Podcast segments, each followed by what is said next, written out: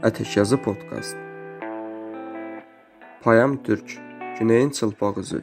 Ətəkyazın hazırladığı raportun ünvanıdır.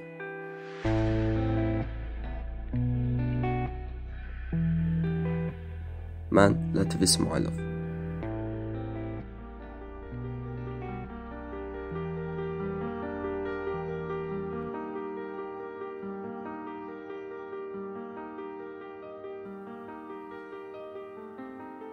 Payam-Türk 1990-cı ildə Muğan bölgəsində yerləşən Biləsuvar şəhərinin yaxınlığında bir kənddə dünyaya gəlib.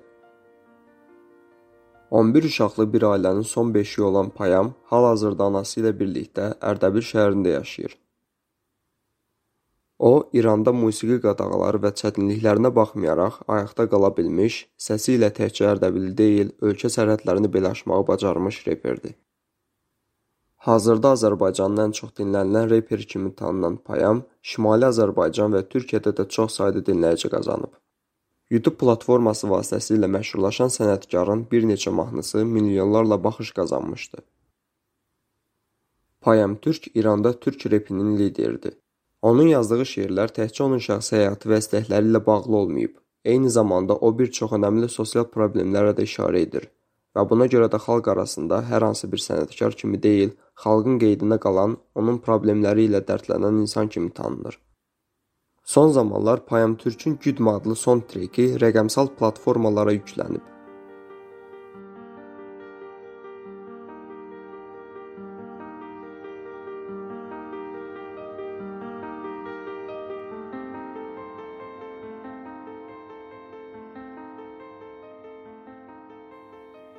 İranda musiqinin çətinlikləri İranda bəzi dini alimlər musiqinin haram olduğunu deyirlər. Bəziləri isə bütün musiqiləri deyil, insanların əhvalını dəyişən, onları oynadan, Allahın yad edilməsini unutduran, onları təhrik edən musiqiləri haram hesab edirlər. Eyni zamanda hansı musiqilərin belə olduğunu öyrənmək yenə dini alimlərin öhdəliyində hesab edilir. 1979-cu il inqilabından sonra demək olar bütün musiqiçilər ölkədən qaçıb, yaxud ölkədə qalıb təzyiqlərə məruz qaldılar. İnqilabçı qüvvələr evlərdən musiqi alətlərini yığır, yandırır, onun sahiblərini isə əziyyət edirdilər. Beləliklə yeni dövlətin musiqiyə münasibəti açıq-aydın oldu. Lakin zaman keçdikcə dövlət orqanları geri çəkilir. Əvvəldən haram kimi bilinənlər yavaş-yavaş cəmiyyət içində öz yerini qazanırdı.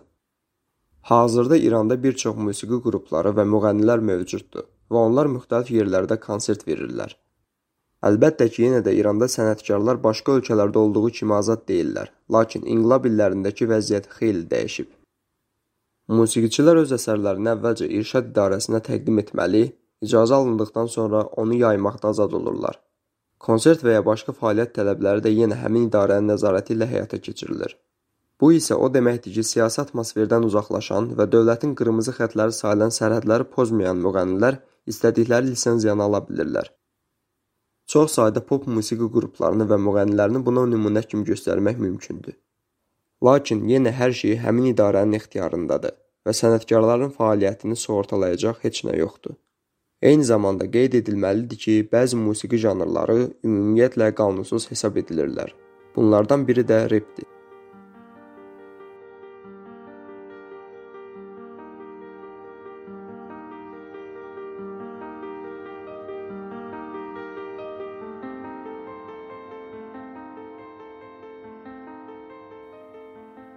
Rep, yer altında həbs edilən musiqi.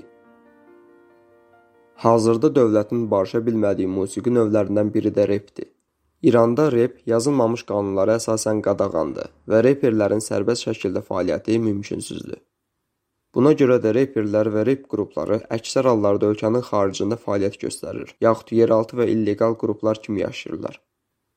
Bütün bunlara baxmayaraq, hazırda İranda rep musiqisi gün keçdikcə daha çox dinləyici qazanır. Son illər İranda rep musiqisini nəfəs aldıran sosial şəbəkələr olub. Sosial şəbəkələrin yaratdığı imkanlar nəticəsində sənətkarlar həmin şəbəkə vasitəsilə öz dinləyicilərini tapır. Dövlət orqanlarının müdaxiləsi olmadan öz əsərlərini dinləyicilərinə çatdırırlar. Bu həm də təkcə repin yox, ümumiyyətlə musiqiçilərin daha rahat fəaliyyət göstərmələrinə gətirib çıxarıb.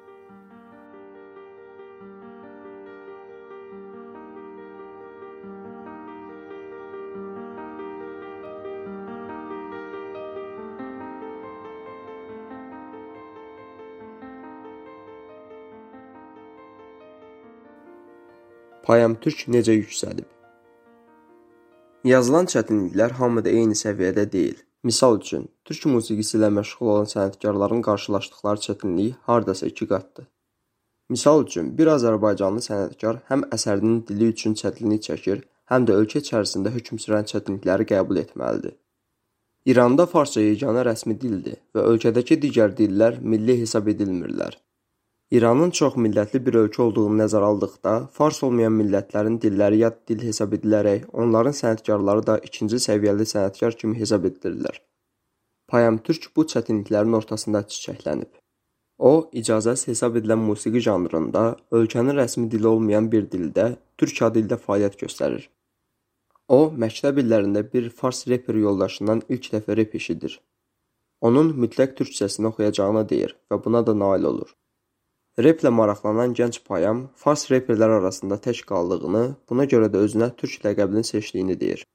O, eyni zamanda Türk ləqəbinin seçilmə səbəblərinin birinin də uydurma Azəri nəzəriyyəsinə qarşı olduğunu göstərmək üçün deyir. Daha sonra onun Mənəm Türk adlı treki 20 milyondan çox baxış qazanmış, Azərbaycan və Türkiyədə də xeyli bəyənilmişdi.